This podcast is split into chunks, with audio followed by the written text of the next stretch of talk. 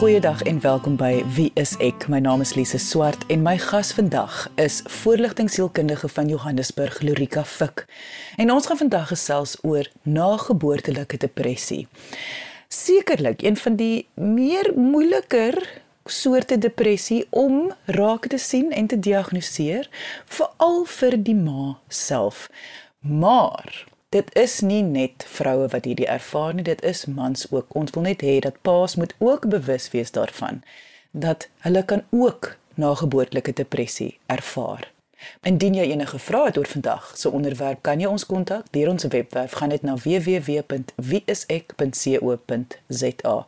Kom ons luister nou eers na my gesprek met Lorika Fik oor nageboortelike depressie.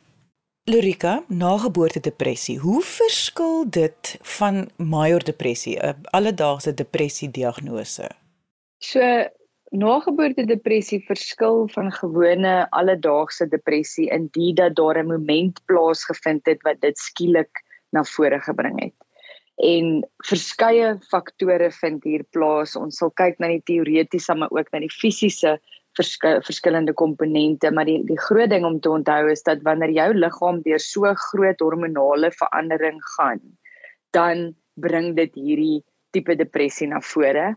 Maar op 'n sielkundige vlak wat ook gebeur is baie verwagtinge word geplaas op hierdie ervaring van om 'n mamma te word en 'n mens het hierdie drome of fantasieë oor wat hierdie kind in jou lewe gaan beteken, hoe vervuld jy gaan voel, hoe jy skielik 'n doel in die lewe gaan hê, hoe hierdie kind basies alles vir jou gaan uitsorteer en dan kom die dag wat baba arriveer en dan word absoluut geen van daai fantasieë bewaarheid nie.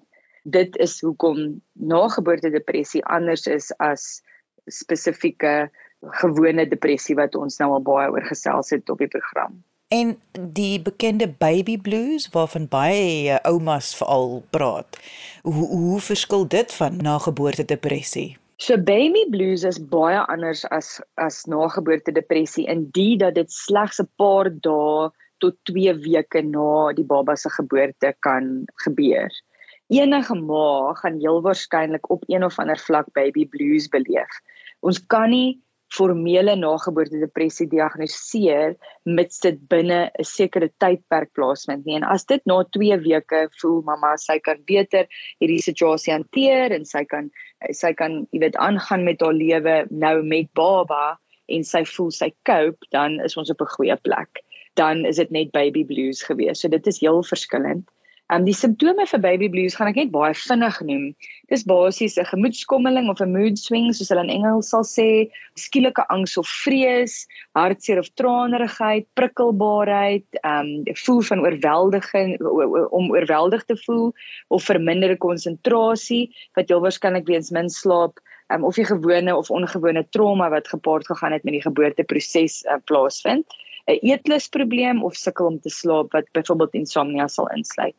Dis belangrik om te onthou dat net die geboorteproses is op 'n fisiese, emosionele, kognitiewe vlak verskriklik traumaties vir beide die ma se emosies en haar liggaam, maar ook vir die baba. So alle nuwe ouers moet aanvaar dat weens daai trauma sal daar 'n aanpassing wees en daai aanpassing bewys of wys homself in die tipiese baby blues simptome wat plaasvind. So dis nie iets om oor bekommerd te wees nie, dis iets om oor bewus te wees en intentioneel te wees daaroor, maar dit beteken nie dat ons nou na psigiater of sielkundige toe hardloop weens dit nie.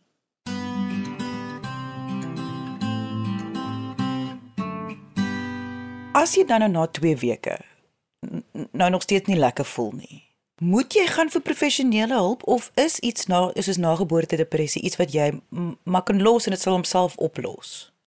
Ek is so dankbaar dat jy daai vraag vra want ek wil 'n baie ernstige beroep op alle ouers doen om binne in hulle self te kyk of hulle besig is om ek wil sê verdedigingsmeganisme hier te employeer in plaas van om eerlik te wees oor die situasie. Die verantwoordelikheid van om 'n ouer te word is baie meer as om net doeke te ruil en bottel te gee en in die bed te sit. Die verantwoordelikheid van 'n ouer van 'n psigoanalitiese perspektief is om op 'n goeie plek emosioneel te wees om die kind toe te laat om die objek te herontdek. So nou raak ek baie teoreties, maar ek glo baie van ons luisteraars kan kophou met wat ek nou gaan sê. 'n Kind vind hulle self deur hulle ouers. Nou hoekom hierdie verskriklik belangrik is, is wanneer die ouer self met trauma sit, wanneer die ouer self in 'n slegte emosionele plek is, wanneer die ouer self op 'n plek is waar hulle nie kan cope nie, waar hulle oorweldig is, waar hulle nie kan funksioneer nie, dan verhoed ons daai uiterse belangrike proses van 'n kind om hulle self te herontdek deur middel van die ouer-kind verhouding. Nageboorte depressie lê so na aan my hart want ek het besef as ons vir ouers beter ondersteuning kan bied in daai vormingsjare waar die baba net gebore is en selfs voor dit dan gee ons vir daai kind daai geskenk van geestesgesondheid vir die res van hulle lewe. Dis hoe belangrik hierdie is.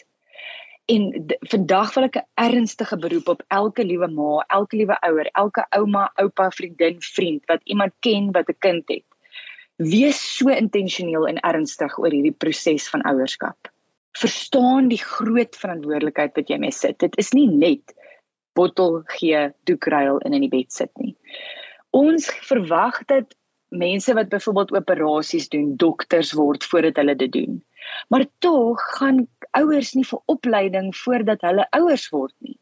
Hulle verstaan glad nie die implikasie van om hierdie klein mense in die lewe in te bring en hoe dit uh, dit daai kind se res van hulle lewe affekteer nie. Dis hoekom daar groepe soos Better Mom en ander spesifieke groepe daar buite is wat wat klasse aanbied, wat weeklikse kontaksessies aanbied waar ons intentioneel praat oor hierdie dieper sake van ouerskap, van die prosesse wat plaasvind en en daardeur werk. So dit is hoekom ek wens mense wil meer oop wees vir gesprekke rondom nageboorte depressie. Die hoeveelheid gesprekke wat ek met ma's het wat 10 jaar na hulle maas geword het, eers gediagnoseer word met nageboorte depressie.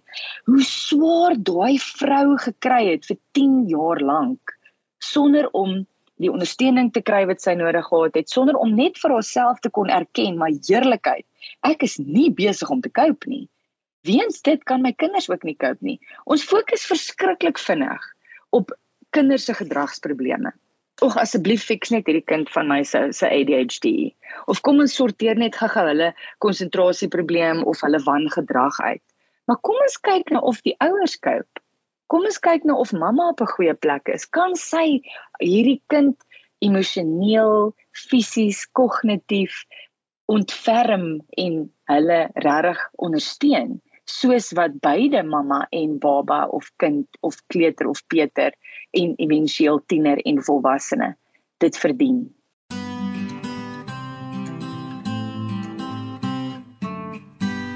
Hoekom dan, Lorika? Ek bedoel genigtig. Vroue gee al geboorte oud soos die berge.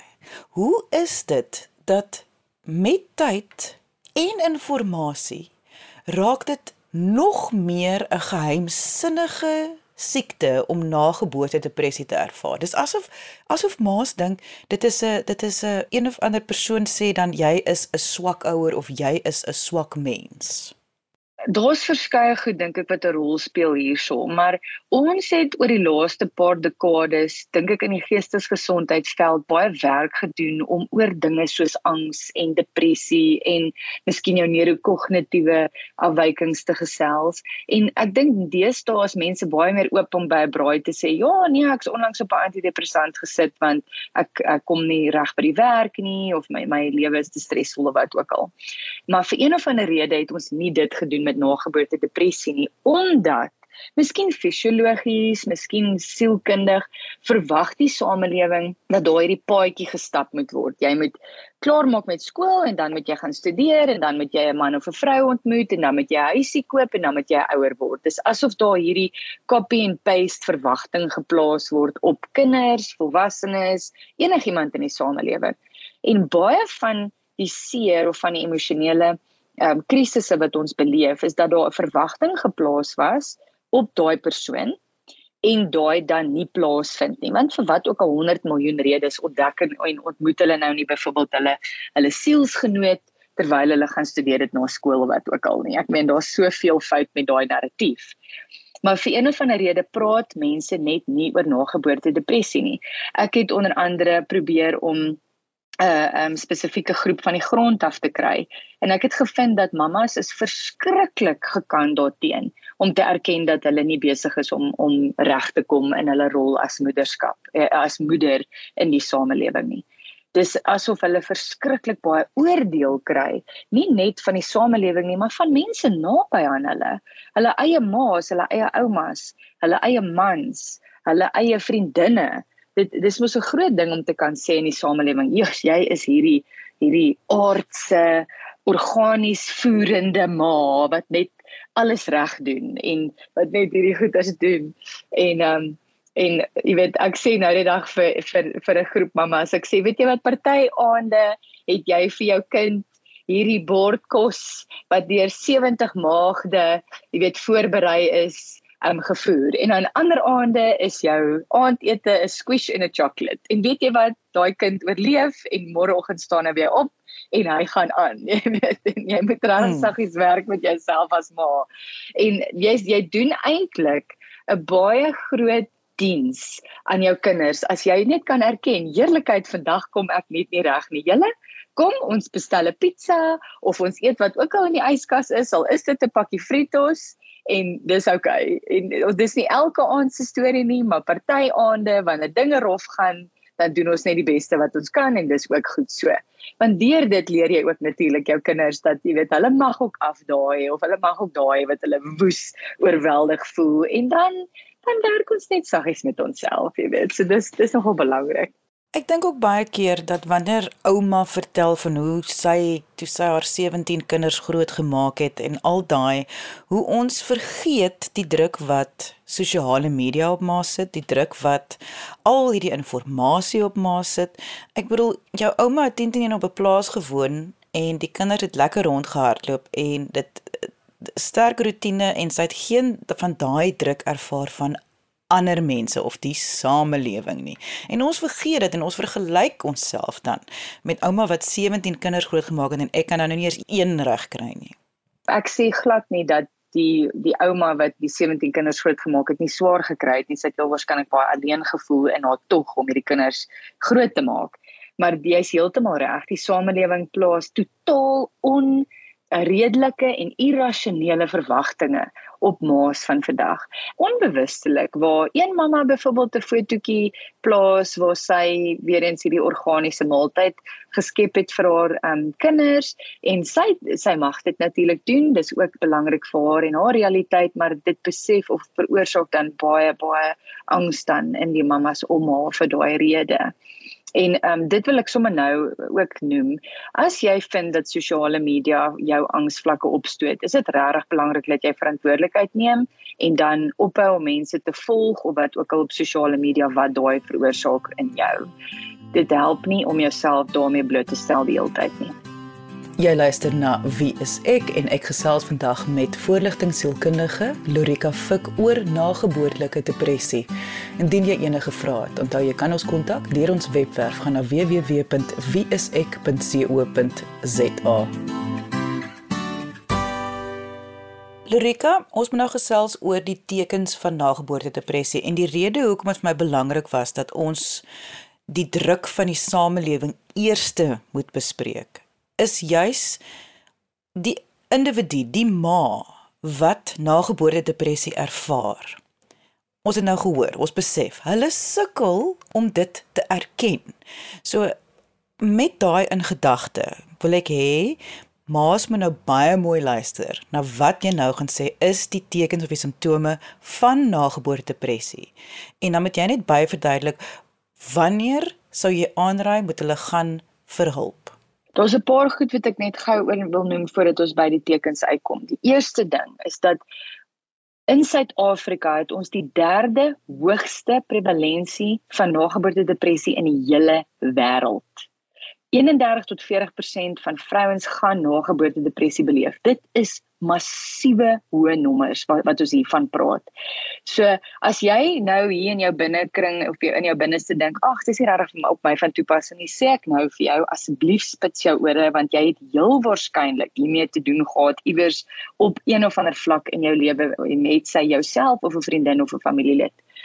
En dan die ander ding wat ek net wil noem voor ons eers hiermee begin. Indien jy enige gedagtes het om jouself of jou baba te benadeel, seer te maak, te vermy, moet jy onmiddellik by 'n professionele persoon uitkom. So voordat ek nog eers begin met die simptome, wil ek net dit noem. As jy gedagtes gehad het waar jy jou baba teen 'n muur wil gooi of hulle wil skud of hulle wil seermaak, dis baie normaal wanneer jy na geboorte depressie beleef. Asseblief tel jou foon op, bel iemand wat jy vertrou en kom onmiddellik by iemand uit om jou en baba veilig te hou. So, die simptome van nageboorte depressie is 'n bedrukte by of erg buierigheid, oormatige gehuil asof die trane net nie wil ophou nie. Jy sukkel dalk om met jou baba te bind. Dit is 'n baie belangrike een wat ek hierso noem. Wanneer jy voel jy kan net nie jou baba in die oë kyk nie, jy wil nie tyd met hulle spandeer nie, jy probeer alles om hulle te vermy of om te verhoed om tyd met hulle te spandeer, dis 'n groot simptoom daai jy onttrek van familie en vriende om afstand te skep. Dis natuurlik 'n oerbehoefte van die brein om jou te preserveer hierdie nê. Ehm um, ek doen ook vandag 'n beroep op mense wat luister wat 'n mamma ken iewers. As jy agterkom dat sy merkwaardig minder uitreik na jou toe. En ek sê nou nie die normale, sy het nou, jy weet, sy's knie diep onder doeke en en bottels en sterilisasie hierso. Maar as jy agterkom, sjoe, hierdie mamma het regtig stil geword. Sy sy kom regtig glad nie terug na my boodskappe toe nie. Sy sy uh, antwoord regtig nie die foon wanneer ek bel nie. Ryk regtig uit en probeer om uit te vind of sy alright is. Dan 'n um, verlies van eetlus um, of eet baie meer. Die vermoë om te slaap wat slapeloosheid of te veel wil slaap insluit oorweldigende moegheid of verlies aan energie. Nou, dis moeilik om hierdie te bevestig want tipies as jy elke 45 minute op is met 'n met 'n nuweling, dan gaan jy natuurlik baie moeg wees, maar ek praat hier van 'n sielsmoegheid. Dis anders as 'n fisiese moegheid, nê? Nee? Dan verminderde belangstelling en plesier in aktiwiteite wat jy vroeër geniet het, 'n intense prikkelbaarheid of sensitiwiteit en woede. So woede ons sal nou ons het al gepraat oor die emosie wiel. Dis 'n sekondêre emosie. Wanneer jy voel jy's geweldig kwaad, dan is dit daai noradrenalien in jou brein wat die heeltyd daai noot tref. Dan het jy heel waarskynlik met nageboorte depressie te doen. Is wanneer jy daai vrou sien by die are op haar voorkop het so wil amper wil bars, sy's so geïrriteerd en kwaad. Dan natuurlik vrees dat jy nie 'n goeie mamma is nie, maar hierdie is 'n irrasionele vrees. Ek dink alle ouers wat hulle kinders liefhet het op 'n manier 'n vrees jy maar ek is nie goed genoeg nie want die samelewing sê dit natuurlik vir jou. Maar hierdie is 'n diep vrees waar jy regtig baie angstigheid beleef. Um ek praat vir een of ander rede baie met mammas wat um hierdie visioene kry dat hulle kind seer kry of dat hulle weet daai um soos 'n trauma beleef, dan moet jy begin kyk daarna. Um 'n gevoel van hopeloosheid en 'n verminderde vermoë om duidelik te dink of te konsentreer. So ek sê altyd weet volwassenes neem jy weet gemiddeld 35000 besluite elke dag. So besluitnemingsuitputting is 'n groot probleem in vandag se samelewing en kan op verskeie vlakke behandel word. Maar wanneer jy regtig nie die basiese besluite kan neem nie, dan moet jy hierna kyk. En hierdie en laat ek dit meer prakties maak.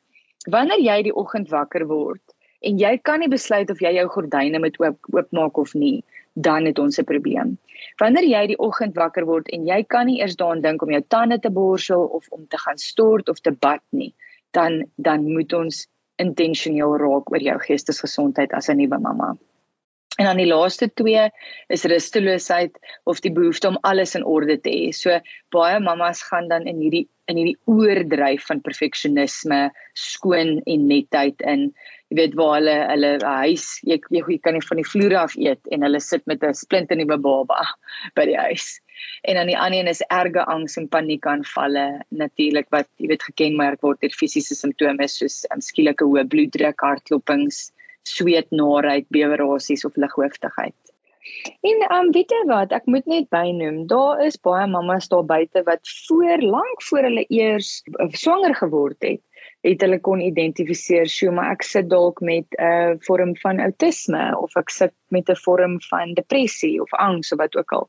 En outomaties voel daai ma, maar sy is nie 'n natuurlike ma nie. Dit kom nie natuurlik vir haar nie. Ek wil net weer eens kom by die vergelyking oor om 'n dokter te wees jy ja, jy het 'n aanvoeling om 'n dokter te wees, maar jy moet nog steeds opgelei word, nê. Nee. Jy moet intentioneel wees daaroor voor jy net daai beroep kan beklee.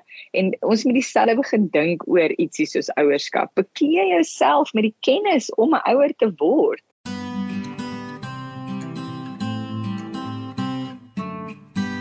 Lurika, so hier is nou 'n ma wat dalk diagnoseerbaar is met nageboortelike depressie. En sy voel natuurlik oorweldig presies soos wat jy gesê het. Nou sê ons nog vir haar sy moet nou gaan vir hulp. So boonbehalwe dat sy moet erken dat sy dit nie reg kry nie tussen aanhalingstekens, moet uh, sy nou nog gaan vir hulp. En sy gaan voel ek het nie tyd hiervoor nie, ek het nie krag hiervoor nie. So ek wil net hê, kan jy hierdie maas gerus stel dat hulp is effektief of dat dit gaan nie so vreeslik baie tyd opvat nie of dit gaan regtig die grootste verskil ooit maak. Die belangrikste ding om te besef is jy kan nie agter iemand anders kyk tot jy nie agter jouself gekyk het nie. Dit is die bottom line van hierdie hele gesprek.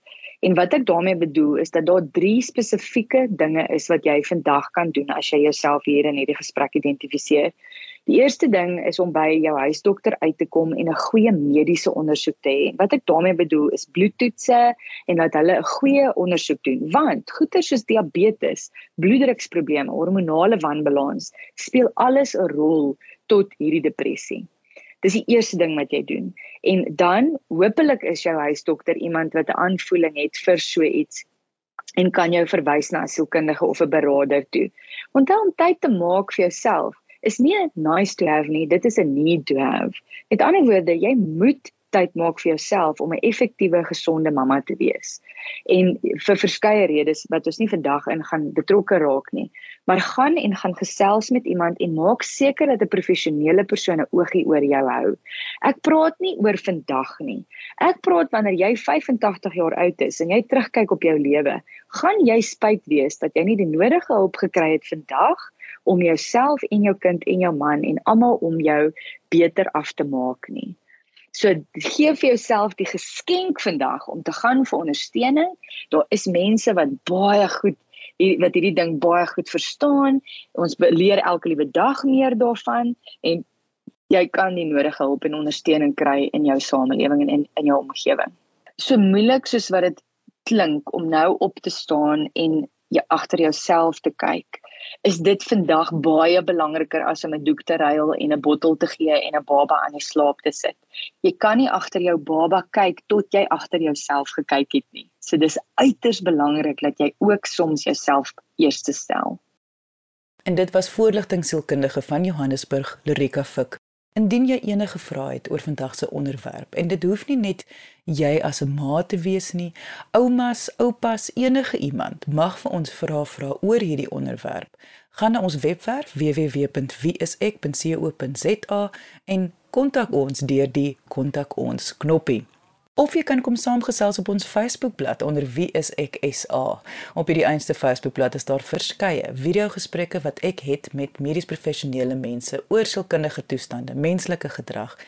Enige onderwerp onder die son het ons 10 teen 1 al bespreek. So gaan kyk gerus op Wie is ek se Facebookblad onder Wie is ek SA. Baie dankie dat jy vandag ingeskakel het. Ons maak weer so volgende Vrydag 12:30 net hier op RSG. Jy moet 'n heerlike naweek hê en onthou, kyk mooi na jouself.